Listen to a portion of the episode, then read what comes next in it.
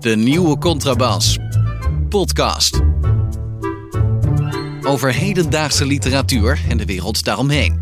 Met Chrétien Breukers, een elitaire Limburger. En Hans van Willigenburg, zomaar een Zuid-Hollander.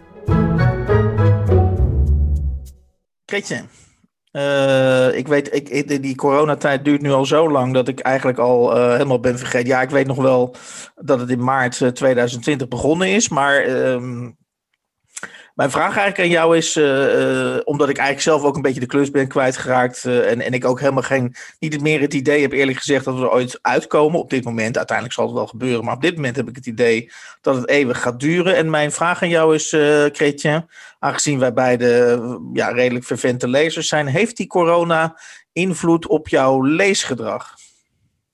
Ja, dat, ik, ik, ik weet dat ik in het begin van, van de coronacrisis wel eens schapjes maakte tegen mensen van we zien elkaar in 2028 wel weer. Maar dat begint nu uh, bijna werkelijkheid uh, te worden, vrees ik. Dus uh, tijd genoeg om te lezen. Ik weet dat ik helemaal in het begin van de coronacrisis las ik helemaal niet. Toen kon ik niet meer lezen. Heel gek. Het was net alsof, het, alsof ik bezig was met het... met het ik, ik, kon alleen nieuws volgen en, en gewone boeken, daar kon ik me niet op concentreren. En toen dat een beetje wegwaaide, ja, toen je de ergste bezorgdheid over was, ja. Toen ik nog niks had en nog steeds niks. Ik klop het meteen even af. Uh, toen uh, begon ik weer te lezen. En het gekke is dat ik toen boeken ging lezen die heel uh, vreemd, tussen aanhalingstekens, zijn. Dus boeken die geen standaard verhaal vertellen, boeken die mij geen oplossingen bieden, boeken die heel zwartgallig zijn misschien, boeken die treurig zijn. Oké, okay, namen, rugnummers, uh, ik heb vorig jaar veel gelezen van Sigrid Núñez, Hans Vallada, een Duitse schrijver. Uh, hele redelijk uh, wel realistische, maar zeer troosteloze boeken. Uh, ik ben helemaal uh, gegrepen door het werk van een Amerikaanse schrijver die ik vroeger al eens gelezen had, Kathy Ecker. Die schrijft net zoals William Burroughs. Dat wil zeggen, zij schrijft, dan knipt ze alles in stukken en husselt dat anders door elkaar heen. Dus dat zijn boeken waar je nogal veel uh, zelfwerkzaamheid bij moet hebben. Want anders dan begrijp je niet waar het over gaat. Mag ik samenvatten dat je dus eigenlijk een avontuurlijker lezer bent geworden door dat corona? Dat weet ik niet of ik een avontuurlijker lezer ben geworden. Maar ik ben wel een, het zijn voor mijn gevoel wel avontuurlijkere boeken. Ik moet zelf meer doen. Als ik word afgeleid, zoals door een Netflix-serie of door een Hollywood-film bij een boek, dat werkt niet, gek genoeg. Ik kijk juist meer Hollywoodfilms het laatste jaar. Dus echt uh, Die Hard heb ik alle vijf achter elkaar gekeken. Hè? Eerlijk. Bruce Willis is fantastisch in die film. Dat, dat lukt prima. Uh, maar ik lees, als ik boeken lees die mij gewoon netjes, uh, zoals ik al eens eerder zei, van A naar B brengen, van A naar Z brengen, dat werkt niet. Dus daar moet ik juist beter gaan opletten. Oké, en corona verergert, verergert jouw ehm, jouw weerzin tegen die van A tot Z verhaaltjes, uh, vat ik even samen. Nou, of dat ver... ja, dat, het, werkt dus niet op een of andere manier. Ik weet niet of het het verergert, maar het, het is niet. Ik krijg het niet voor elkaar om het, om het te lezen meer. Wat, wat, wat volgens mij bij, mij aan de hand is, is dat omdat je dus nergens meer komt, uh, of weinig nog ergens komt, en dat ga je dus nu, nu steeds meer realiseren. Je komt nooit meer in een bioscoop of in een restaurant of waar dan ook, is dat je toch vaak het idee hebt dat je, ik wil niet zeggen dat je niet meer bestaat, maar um, ja, je laat in feite, of er is toch, er is stilletjes een idee dat, dat je geen sporen meer achterlaat. Dat je dus inderdaad zit te vegeteren op je eigen plekje. En, en, en als, als reactie vertoon ik daar dan op dus de reactie dat, uh, dat je dus, je dus dat je terug gaat grijpen op je favoriete auteurs om tegenover jezelf misschien dan nog even te zeggen van nou, uh, ik besta nog, hè, want ik hou van deze en deze schrijvers. Uh, en bij mij is het dus zo dat ik dan, uh, om maar dan even namen en rugnummers te noemen, dat betekent bij mij dat ik dus Hoelle Beck terug lees of, of, opnieuw lees. Bukowski is bij mij een, een, vaste, een vaste waarde. En sinds kort heb ik dan ook Thomas Bernhard. Dat is, de, de, dat is een nieuwe favoriet van mij. Die bestond natuurlijk al heel lang. Hij is zelfs al heel lang dood. Maar dat is dus een ontdekking. En die, daar, maar daar, daar grijp ik me dus dan aan vast. Dus eigenlijk, jij bent dus eigenlijk avontuurlijker. Jij breidt je territorium mm, eigenlijk uit. Terwijl ik, ik maak mijn territorium eigenlijk als reactie kleiner. Dus... Mhm. Maar we, maar we doen eigenlijk wel hetzelfde, want we willen namelijk, eh, tenminste dat idee krijg ik, we willen zien dat we bestaan. Ik wil dat doen door het. Ja, heel eh, kinderachtig eigenlijk, hè, dat je daar steeds bewijs van wil hebben. Maar daar, daar is deze podcast misschien ook wel een, uh, wel een voorbeeld van. Ja, dan zie ik nog eens iemand af en toe natuurlijk. En, en uh, wat je hebt met die, met die, met die um, uitbreiding van, van wat jij de uitbreiding noemt, dus andere verhalen gaan lezen, waardoor je werkelijkheid meer uitbreidt ik heb uh, niet het idee dat dat uh, echt werkt. Maar zonder dat zou de werkelijkheid op dit moment echt heel treurig zijn. Het debuut. Hans en Chrétien fileren een literaire nieuwkomer. Deze week hebben we gelezen uh, een debuut. anders had die rubriek natuurlijk niet zo geheten. En dat debuut luistert naar de, naar de naam ik pak het boek er even bij, want het heeft zo weinig indruk op mij gemaakt dat ik eventjes uh, de titel weer even uh, moet zien. Het, het, het, het, boek is geschreven door Caro van Tuinen. Wat ik wel een leuke bijkomstigheid vind, is dat er is geen auteursfoto. Dus je weet, en, en Caro, daar heb ik het idee. Ik heb het idee dat het een vrouw is, maar zeker weten doe ik het eigenlijk niet. Uh, en het boek heet Lijn van W en Wens. En het is uitgegeven bij uh, de prachtige uitgeverij. Ik vind wel dat ze heel mooi die boeken uitgeven bij uitgeverij Koppernik. Het is een uh, indrukwekkend boek, Hans. Kan ik meteen jou tegenspreken. Dus uh, we zijn het niet met elkaar eens. Um, ik vind het een.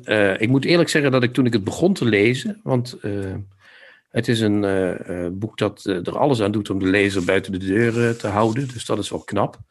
Dus de eerste 10, 20 bladzijden dacht ik echt: what the fuck? Wat ben ik hier aan het lezen? Toen ben ik uh, mee gaan wiegen op, uh, op de zinnen en op de passages die Van Tuinen ons presenteert. Uh, die presenteert ze in de vorm van een tocht die een vrouw doet die in de rouw is.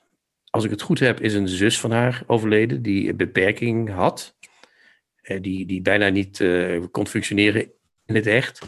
die is overleden en zij, die vrouw die gaat om dat te verwerken langs een rivier lopen richting de zee laat een man achter. En die man en die vrouw die zijn om de beurt aan het woord. En dat zijn ze in een uh, prachtig uh, rijk proza. Dat is deels gebaseerd op boeken van ene Richard Skelton, waar ik nooit gehoord had. Maar die schijnt twee boeken over rouw geschreven te hebben ook. die, die ook te maken hebben met een tocht die hij ondernam. En die Richard Skelton is ook muzikant overigens.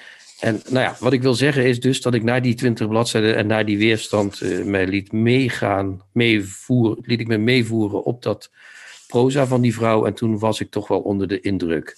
Het is niet een boek dat je leest inderdaad om te weten uh, wat is er nou precies gebeurd. Want daar kom je niet, niet echt achter. Maar het is wel voor mij op taalniveau en op uh, niveau van wat ze met uh, haar eigen verhaal en haar eigen gevoelens doet. Ik ga er ook vanuit dat het een vrouw is. Een indrukwekkend boek. Ja, ik, uh, ik, ik, ik, ja, eigenlijk geniet ik dus honderd keer meer van jouw, uh, ja, mag ik zeggen, jouw, jouw wolkachtige beschrijving van dat boek dan van dat boek zelf. Dus, en ik vind het ook helemaal niet raar dat het je helemaal niet lukt om, om, om uh, ja, iets concreets over dat boek te zeggen. Omdat dat boek inderdaad zo weinig concreet is. Uh, dat zeg maar jouw inleiding eigenlijk al in feite toch ook wel de malheur van het hele boek weerspiegelt. namelijk dat je denkt, ja, ik, ik, ik, moest, ik moest echt heel vaak denken aan, onze, aan jouw uh, toch tamelijk vernietigende bespreking van Stefan van Vleteren uit, uh, uit de pilot-aflevering. En uh, qua natuurbeschrijvingen kan deze mevrouw van Tuinen er ook wat van. Nou ben ik, kan ik er best in vinden dat zij haar natuurbeschrijvingen misschien wat, wat, wat, wat, wat mooier zijn en minder uit de lucht gegrepen dan die van Stefan van Vleteren. Veel mooier, veel mooier, veel mooier. Ja. ja. Maar uh, jij zegt dit boek, en dat kan ik alleen maar beamen, doet zijn best om de lezer buiten de deur te houden. Nou, bij mij zijn ze geslaagd. Is ze geslaagd hoor. Ja, dat snap ik. Maar ik, ik zal iets voorlezen, ja? Het, het, het, het, eind. Want op een gegeven moment gaat ze over aan het eind, als dat hele proces van lopen en rouwen tegen het einde loopt. Gaat ze over op een, uh, op een proza dat zonder hoofdletters, uh, korte zinnen, bijna poëzie dus. En dan krijg je passages als het gesluierde waterzonnetje dat ondergaat, ligt een plas op. Daar ga ik zitten, het zand zuigt alle warmte op. De zee is gepoetst zilver. De zee is oud kwik. De zee is dode vissenschubben. De zee is ongenaakbare reuzenkraak. De zee is een onachtzaam, pompend, koud hart. Je kunt veel zeggen, maar mooi is het wel, toch? Uh, het, het, gekke is, eh, of dat is dus helemaal niet gek, maar ik heb andere zinnetjes uit dat boek. Kreetje. Ja? Hele andere zinnetjes. Dat is cool. Uh, let op, wat ik, wat ik in dit uh, debuut heb gevonden aan, aan afschuwwekkende zinnen. Ehm, nog los van het feit dat deze zin volgens mij grammaticaal zelfs niet eens klopt. Maar oké, dan dat zou ook nog intentie kunnen zijn. Ik, heb op pagina 6 kom ik de volgende zin tegen. Duizelingwekkend zijn de perspectieven die mijn wezen kan betreden. Volgens mij moet dat kunnen zijn, maar dat zijn de perspectieven die betreden. Maar goed, dit nog even tezijde. En dan nog afschuwwekkender, even, verder, even verderop. Dacht ik de gapende kloof tussen mij en Tully te kunnen overbruggen met onbenullige voetstappen? gapende kloof en die, dat overbruggen. Het, het, is nog net, of je een CDA-politicus, zeg maar, uh, tijdens een uh, uh, hele, hele slechte verkiezingsbijeenkomst hoort. Maar uh, nee, Chrétien, het is mij volkomen onhelder waarom. Uh, en, en ook die, die, die, waar ik ook helemaal kregelig van word, is dat er dan gezegd wordt: die vrouw, die rouwende vrouw, die gaat dan hè, die gaat bij die fysiek bij die man vandaan. Maar oh, oh, oh, oh, poëzie. Uiteindelijk, ze, ze neemt fysiek afstand, maar emotioneel hè, nadert ze hem. Nou ja, dat, dat, dat vind ik ook allemaal van die Ah, daar word ik echt uh, heel bloednerveus van. En, ik kan, en, ik, ik kan daar dus verder niks mee. Waarom word je daar bloednerveus van? Kun je dat in het kort zeggen? Uh, ja, omdat ik het gigantische cliché vind eigenlijk. Een open deur. En misschien zitten er heel veel clichés in, dat zou kunnen. Maar ik vind het uh, boek toch uh, aan het eind, het boek wint. Ze, ze worstelt en komt boven. Dat vind ik in een boek ook mooi. Iemand die, je ziet een auteur die echt uh, die weet niet hoe ze dit allemaal moet beschrijven. Die, gaat dit, die probeert ook, hè, ze heeft het ook over, over dat, dat heet, het laatste hoofdstuk heeft ook de titel, dan moet ik even zoeken, sorry. Uh, oei, oei, dat heet onderlied. Ze zoekt het lied onder, onder wat, wat er gebeurt. Maar um, ik zie haar hoofd vertrekken in een kram van afkeer. Maar toch is dat wat het hele boek eigenlijk is. Het is een, uh, een, het lied onder de gebeurtenissen. Dus het is niet de gebeurtenissen, het is het lied eronder. En dat kan gepaard gaan met zinnen waar de gaten in je sokken dicht van trekken. Maar dat is, ja, het is een, het is een, dit is echt een kwestie van smaak. Hier kun je eindeloos over, over uh, van mening verschillen. En dit is of het boek wint je, of het boek wint je niet. En dat vind ik, als in een auteur te prijzen, die, die, dat, die, jou gewoon, die zegt, hier heb je mijn boek en eh, zoek het verder maar uit. Nou, ik ben op zich heel tevreden over het feit sorry, dat we heel verschillend over dit boek denken. Want het, dat kan ook een aanmoediging zijn om het boek te gaan lezen en voor jezelf vast te stellen. Uh, ja, wie, wie voor jou het dichtst bij de, uh, bij, de, bij de waarheid zit. Zo er al een waarheid is, maar goed, met, met, wie je het eens bent.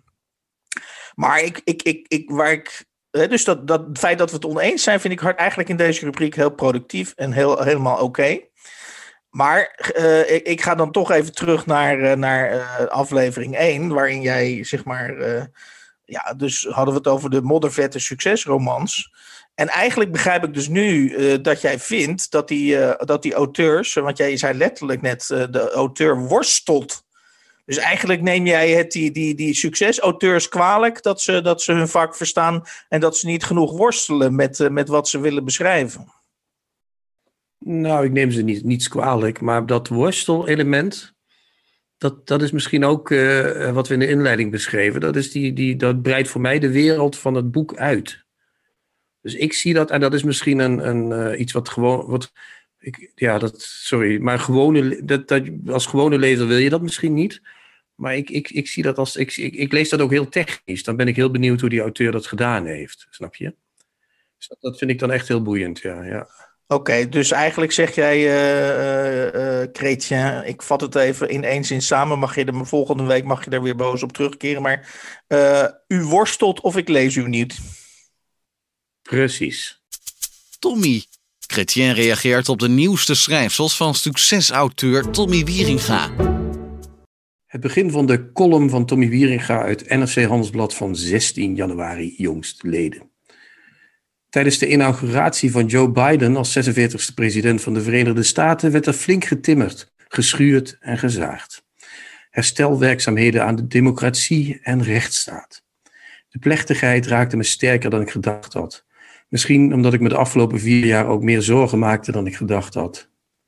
Nu zou ik het liefste vervolgen met een lofzang op dichteres van dienst Amanda Gorman. Die voordracht, die vingers, die timing, die gele jas, maar helaas, de plicht roept. Einde citaat. Tommy schaakt net als God op alle borden tegelijk. Kijk hem daar zitten, in Weesp.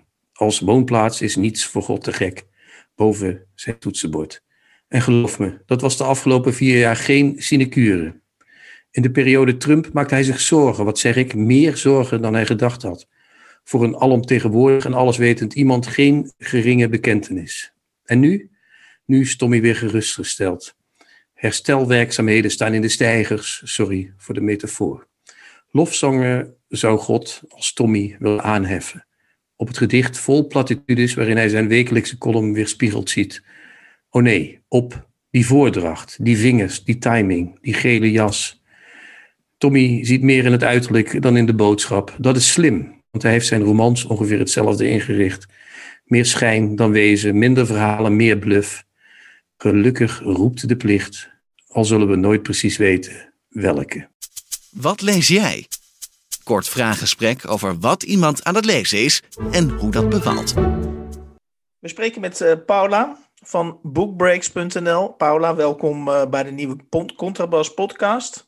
Mijn eerste vraag is um, jouw liefde voor boeken, want je maakt er inmiddels dus een hele site uh, over boeken. Is dat terug te brengen naar één bepaald moment? Of naar uh, ja, uh, dat, je, dat je van boeken bent gaan houden? Of is dat, een, zoals men dan zegt, een natuurlijk proces? Nou, dat is eigenlijk een beetje in fases gegaan. Als kind heb ik wel heel veel gelezen. Ik leende altijd maximaal bij de bibliotheek. Zeven boeken nam ik altijd mee.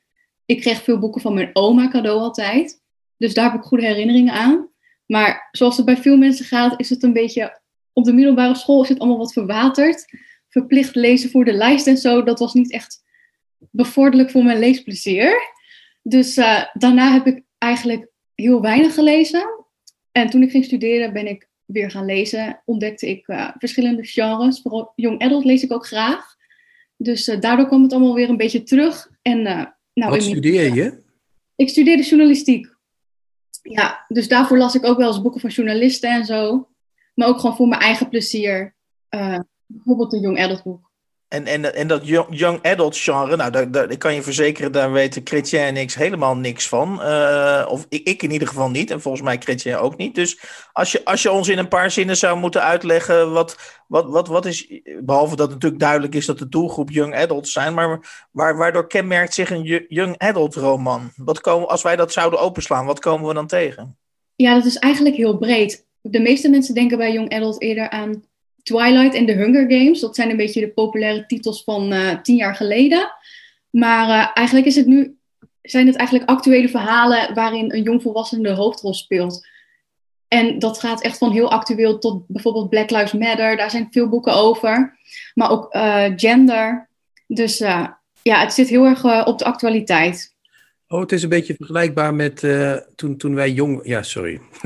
Dadelijk ga je ons toch nog boomer noemen. Maar toen wij jong waren, toen had je boeken van Lemnis Kaat. En dat waren dan... Die werden per probleem ingedeeld. Gescheiden ouders, uh, geschiedenis, Jan Terlouw dus, uh, Thea Beckman.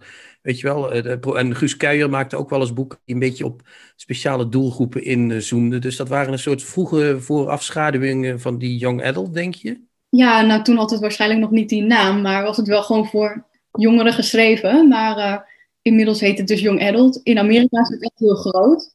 Is Young Adult dan niet iets tussen, tussen het kinderboek en de literatuur in of zo? Ja, klopt. Ja, zo zou je het kunnen zien. Wat spreekt jou in die boeken aan? Nou, dat het in potentie over jouw leeftijdscategorie uh, gaat. En, en, is dat het? Ja, ik vind het eigenlijk vooral heel leuk dat de personages inderdaad ongeveer mijn leeftijd zijn. Ze zijn ook vaak wel wat jonger, omdat het op de middelbare school speelt. Maar ook wel tijdens uh, studeren of zo. En ik vind het vooral heel erg interessant als het dus over actuele thema's gaat. Wat ik net al zei, Black Lives Matter. Een favoriet jong adult boek van mij is bijvoorbeeld The Hate You Give van Angie Thomas. Verkoop ons dat boek. Uh, waarom uh, is dat ook interessant voor mensen die buiten die leeftijdscategorie uh, zitten? En herhaal nog even de titel, want ik miste het net even. Welk boek en welke schrijver vind jij, haal jij hier aan? The Hate You Give van Angie Thomas. En, en nogmaals, kan je dat aan mij verkopen, dat boek? Dat ik, dat ik morgen gelijk ga of dat ik onmiddellijk naar Bol.com ga en denk dat boek moet hebben? Ja, nou, ik vond het heel erg goed. Het gaat dus over een meisje en zij groeit op in een zwarte wijk in Amerika. En uh, nou, zij gaat, ze heeft eigenlijk twee identiteiten. Ze is, aan de ene kant is ze thuis gewoon een zwart meisje, maar ze zit ook op een witte school als een van de weinige zwarte Amerikaanse tieners. En daar worstelt ze heel erg mee. En um, ja, er gebeurt dan iets in het kader van Black Lives Matter. Er wordt iemand uh, onterecht uh, neergeschoten door een politieagent. Daar is allemaal ophef over. En zij is een beetje van, ben ik nu degene die op moet staan? Ja, het gaat heel erg over identiteit, zoals het al vaker gaat in young adult boeken. Maar dus ook, dus ook heel erg gekoppeld aan uh, de actualiteit in dit geval. En waarom vind je dit boek er, er echt bovenuit steken? Nou, ik vond het echt ontzettend goed geschreven. Het is, ja, het is gewoon of je het heel erg voor je ziet. Ik woon niet in Amerika in zo'n wijk. Maar ik had meteen een beeld. En het is gewoon van die kleine scènes. Die zijn heel pakkend. Bijvoorbeeld dat um, je hebt een scène daar, daarin verteld, geloof ik, de vader van het meisje in het boek, Star heet zij, vertelt dat je uh, niks moet doen als uh, de politie er is. Een soort van gesprek van, ja, als je te maken krijgt met agenten, dan doe je zo min mogelijk. Dan zorg je niet dat je verdacht bent. Ja, dat soort gesprekken, dat krijgen witte kinderen van hun ouders niet. Dus ik vind dat heel boeiend om te lezen.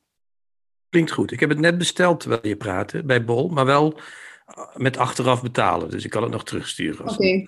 Maar je hebt me half over de brug gehaald. Eh, dat is en, en, en, en, en jij gaat natuurlijk heel erg ontkennen dat die boeken ook snel geschreven worden. Want die zitten dan, eh, als ik jou goed begrijp, zo dicht op de actualiteit dat ik denk die schrijvers die kijken eerst bij wijze van spreken naar CNN of naar een documentaire en dan gaan ze er onmiddellijk een boek over schrijven. Uh, heb je enig idee hoe dat precies werkt? Want het zal ongetwijfeld een beetje karikaturale voorstelling van zaken zijn zoals ik het nu uh, samenvat. Oh nee, dat is niet zo hoor. Van, ja, dat Black Lives Matter is hier eigenlijk een beetje opgekomen nadat George Floyd en zo. Maar in Amerika was het al langer aan de gang. En dat boek is volgens mij ook al een paar jaar geleden uitgekomen. En die schrijver is ook zelf heel activistisch en zit ook wel in die uh, beweging. Dus uh, zij heeft er wel een paar jaar over gedaan. Dus niet dat het uh, snel geschreven is en een beetje afgeraffeld. Ja, het is een beetje, want Simenon schreef ook acht boeken per jaar, dus het kan. Hè? Ik bedoel, dat maakt niet uit. Snelheid hoeft niet slecht te zijn. Wat lees je nu op dit moment?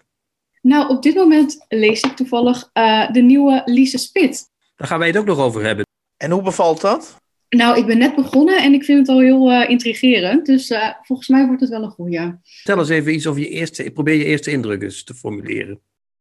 Nou, ik moet eerlijk zeggen, in het begin dacht ik... Waar gaat dit in hemelsnaam over? ik uh, wist niet zo goed waar het heen moest gaan. Een vriendin van mij was heel enthousiast. Dus ik dacht, het zal wel goed zijn. Ik vertrouw haar meestal wel. Maar het eerste hoofdstuk dacht ik, nou, ik weet het niet zo goed. Maar toen las ik verder en ja, dan kruip je toch wel meteen al goed in het uh, hoofd van de. Hoe heet zij ook alweer? Leo heet zij, ja.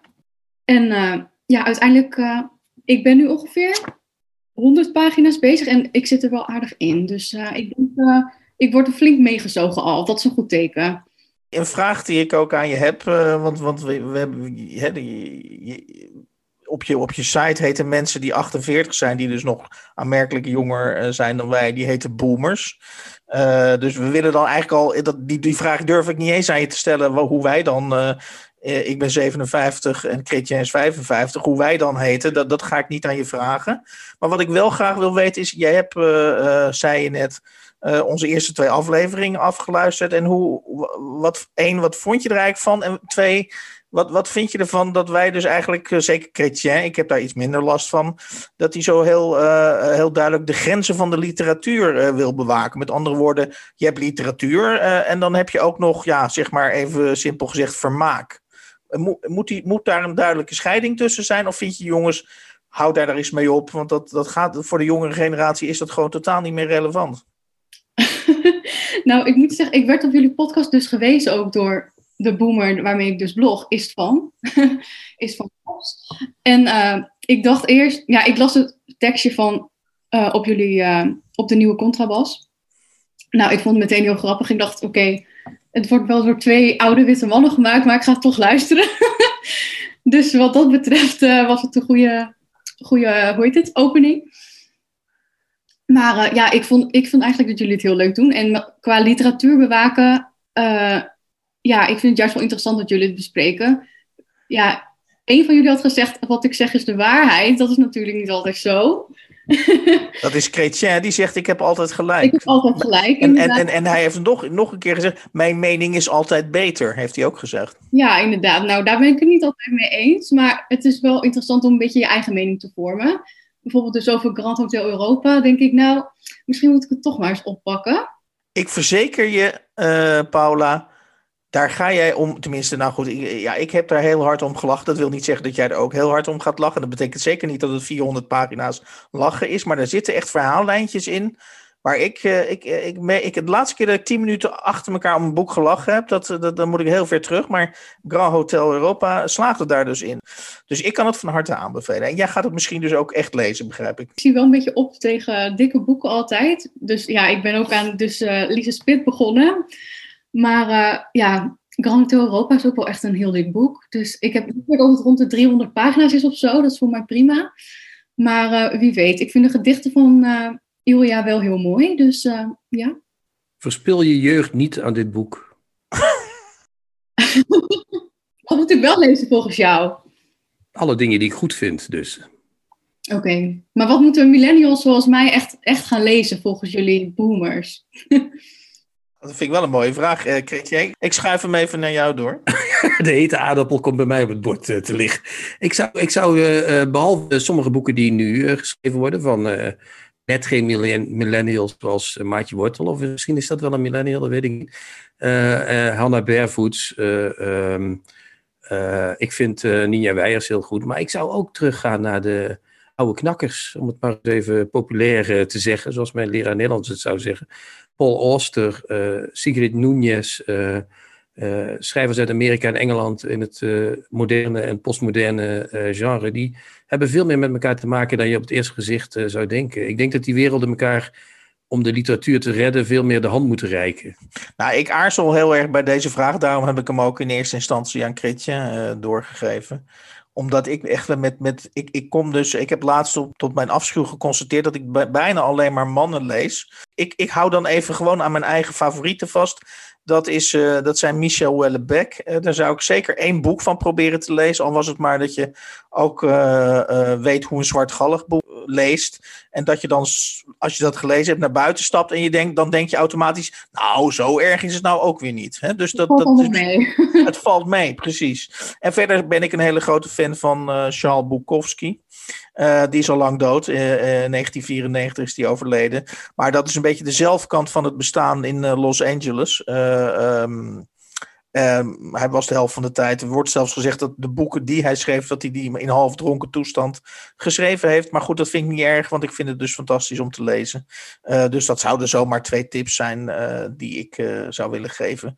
want we gaan natuurlijk allemaal vanuit literatuur is om je, om je, om je, um, ja, hoe lang, je, je belevingswereld te verbreden. En ik kan me zo voorstellen dat een dronken man uit de jaren tachtig bij jou niet op rij 1 staat, maar op rij 10. Dus dan moet je die even naar voren halen, zullen we zeggen. Ja, maar dan moet jij wel meer uh, vrouwen gaan lezen. En ook misschien mensen van kleur zeker. Kijk, kijk, kijk, kijk, kijk, kijk, kijk. Nou, ik, uh, ja, wat, wat, dit klinkt bijna als een soort controlevraag. Dat we over, over vier weken uh, even moeten gaan checken of ik, me, of ik inderdaad aan deze, aan deze eis voldaan heb. Uh, ik moet tot mijn schande bekennen dat ik van een vriendin vorig jaar een boek kreeg van een vrouw, Janet Winterson. En uh, toen zei ik tegen haar van, nou, daar heb ik even geen zin in. Dus dat, dat cadeau heb ik gewoon teruggegeven. Ja, dat, is eigenlijk, dat kan Schande. helemaal niet, joh. Dat Schande. schaam ik me eigenlijk Schande, nog steeds ja. voor. Ja. Ik vind het al nu al goed dat Paula in de podcast is. Want Ja, ik tik jullie meteen even op de vingers. heel goed, heel goed. We moeten inderdaad meer. eh maar Janet Wintersen teruggeven is een schandaal, Hans. Zo. Paula, eh, heel erg bedankt dat je bij ons in de uitzending wilde komen. Eh, zeg zelf nog even de, ehm, de URL van je eigen boekensite, waarop jij dus vooral, begrijp ik, young adult romans eh, ehm, recenseert. Ja, mijn blog heet boekwerk.nl. Daar eh, blog ik over eh, literatuur, ook over young adult boeken. Dus ga dat lezen. Ik blog soms ook samen met, met Is van Kops in de rubriek Boomer en Millennial. En daarin laten we allebei onze mening horen over bijvoorbeeld een literaire roman van Amy Koopman. Ja, ik noem maar wat. Dus een beetje visie vanuit de boomer en de millennial. En ja, ga naar boekwerk.nl zou ik zeggen. Heel goed, eh, bookbreak.nl.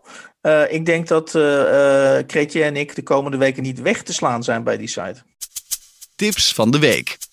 Boeken, artikelen of pamfletten die boven het maaiveld uitsteken.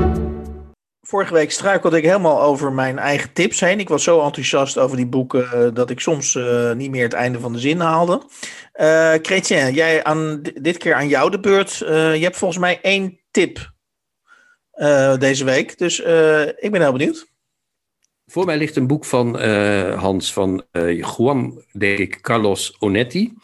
Het heet Afscheid en het is uitgegeven door Kievenaar. Het is een novelle, 94 bladzijden, 95. Ehm, het is vertaald uit het eh, Spaans, denk ik, want het is een Uruguayaans schrijver.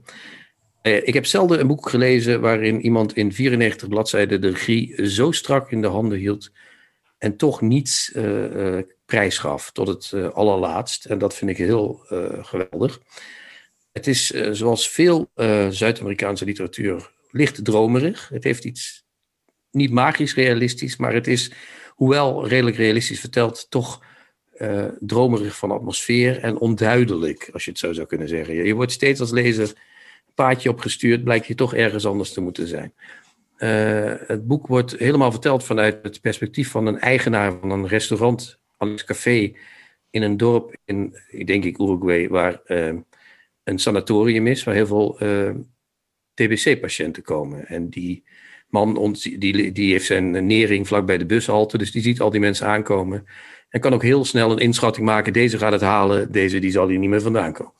Op een, op een dag eh, stopt stapt er een jonge man eh, binnen die, eh, die hem helemaal begint te fascineren. En dat is dan een, blijkt een oud basketbalspeler te zijn uit het Uruguayaanse nationale elftal zelf. Die ziek is geworden en die daar komt. En hij ziet meteen, die gaat het niet redden. Maar op een of andere manier is die man voor hem wordt hij heel belangrijk. Hij gaat steeds meer verhalen om die man heen weven. Eh, er komen brieven, die blijken van twee vrouwen te zijn. Een jongere vrouw en wat oudere vrouw met een kind. Eh, over die vrouwen gaan natuurlijk ook binnen de kortste keren het dorp alle verhalen. Iedereen is met die man bezig. Waarom gedraagt hij zich zoals hij gedraagt?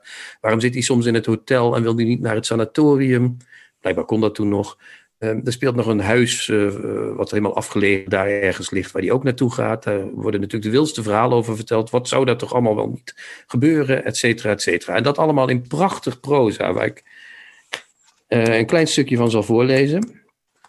Helemaal uit het begin, dan eh typeert hij die man, als hij begint te weten wie die was, namelijk een bekende sportman. Ik begon hem te zien op uitvergrote foto's in El Grafico, in korte broek en een wit genummerd shirt, omringd door andere mannen die net zo gekleed waren als hij, glimlachend of zijn blik afwendend met mengeling van verveling en bescheidenheid, die past bij filmsterren en helden. Jong te midden van jongeren, zijn glimmende, pasgekamde haar, zelfs het grove raster van de late editie van de Sportkrant toonde de gezonde gloed van zijn huid, de licht vettige glans van de onuitputtelijke mannelijke energie.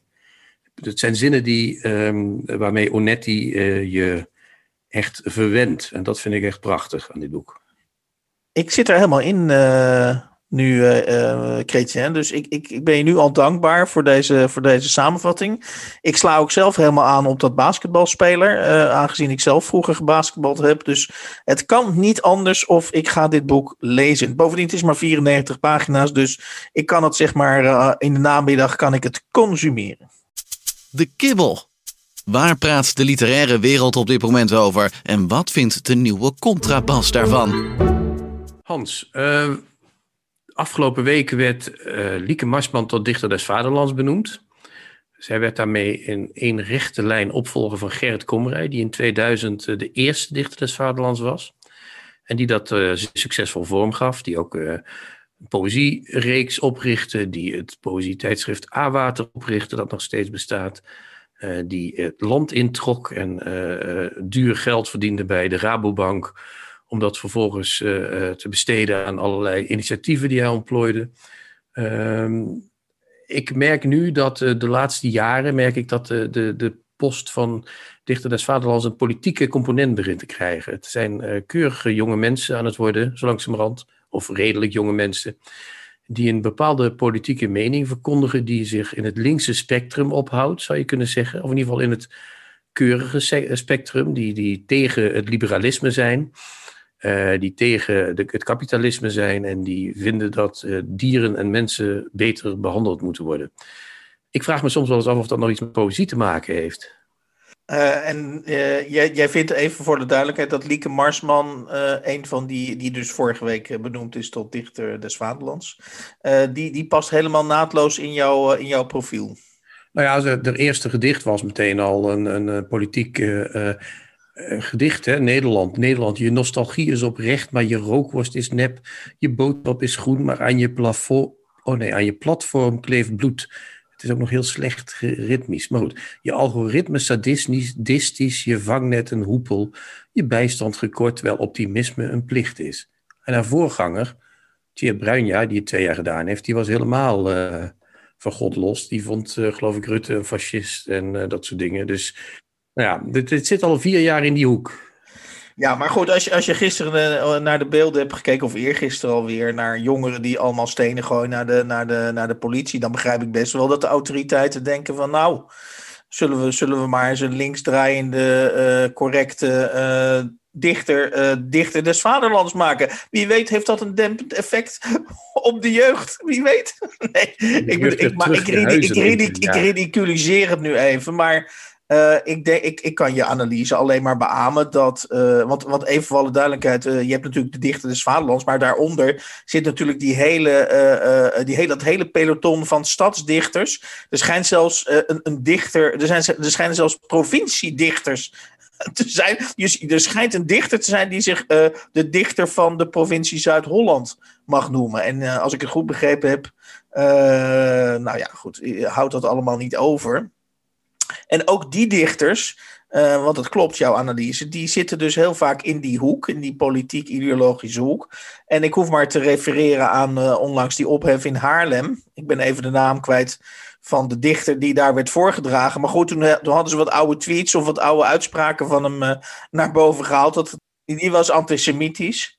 Dus ja, de, de, de verknoping, de verknoping van de politiek en, en de benoeming van, uh, van de dichter des vaderlands, die is natuurlijk onmiskenbaar. En ik refereer even aan het feit dat uh, een tijdje geleden, en dat waren natuurlijk nog hele rare tafereelen, uh, misschien dat je me daar nog even bij kan lichten, Chrétien, want jij volgt dat volgens mij zelfs beter dan ik, is natuurlijk dat we een paar keer een zogenaamde gekozen dichter des vaderlands uh, hadden. En dat we dus via internet mochten stemmen. Weliswaar waren dat kandidaten die van tevoren door een commissie waren heen gekomen. Maar dan mocht uiteindelijk het finale besluit mocht dan zeg maar de, de stem des volks mocht dan bepalen wie uiteindelijk de dichter des vaderlands uh, werd.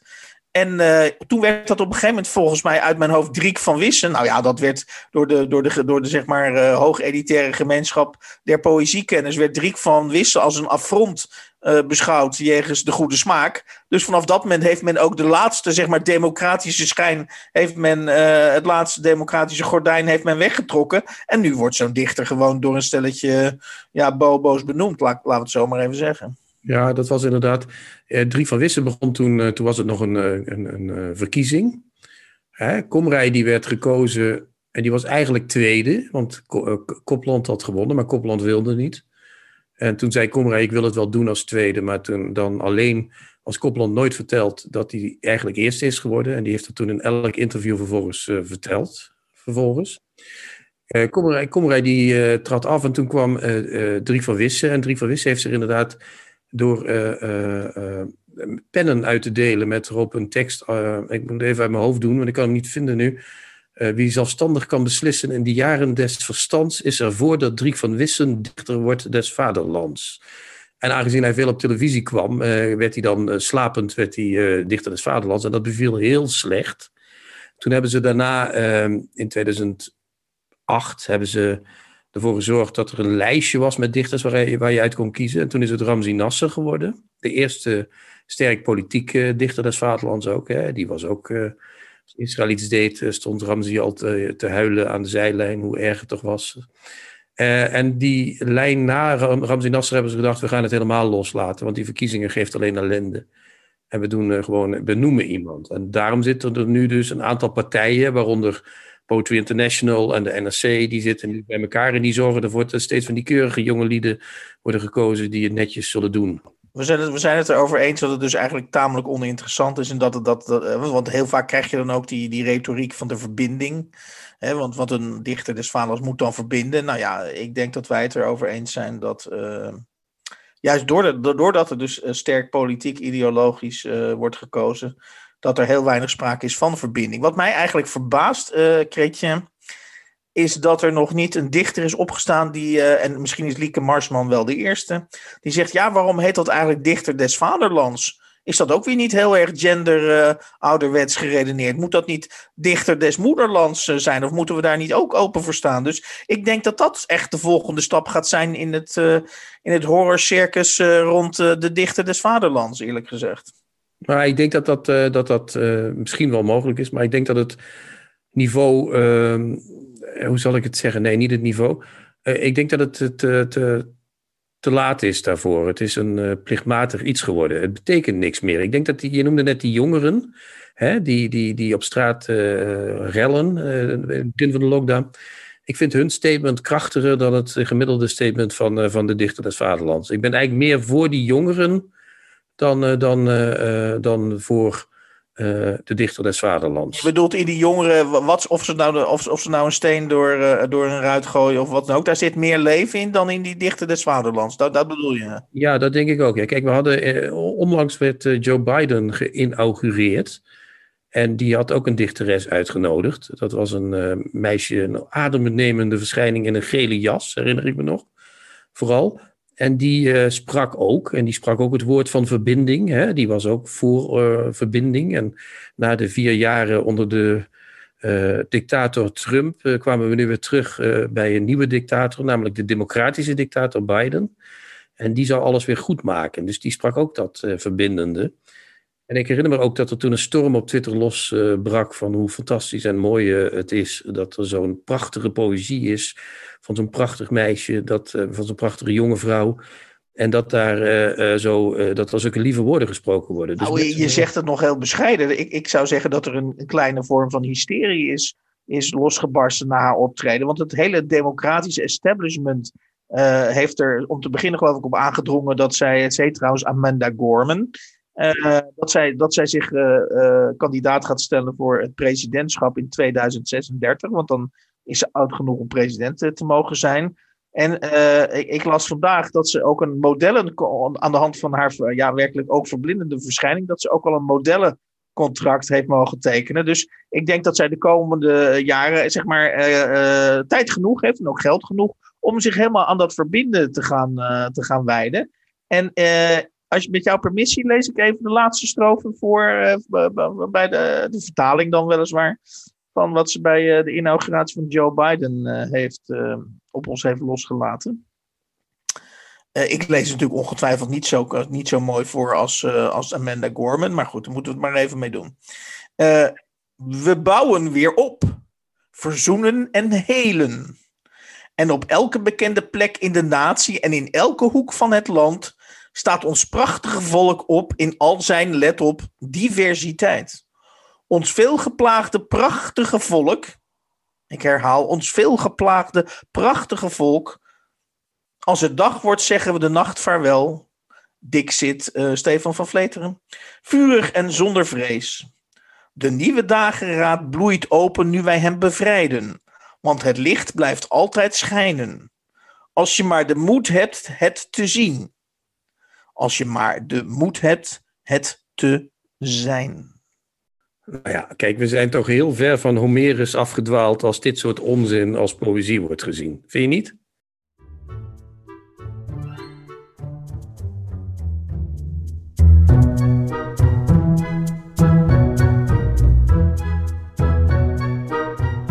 We breien er weer een einde aan voor deze keer. Uh, ik neem nog even de gegevens door. Uh, wat we vandaag besproken hebben.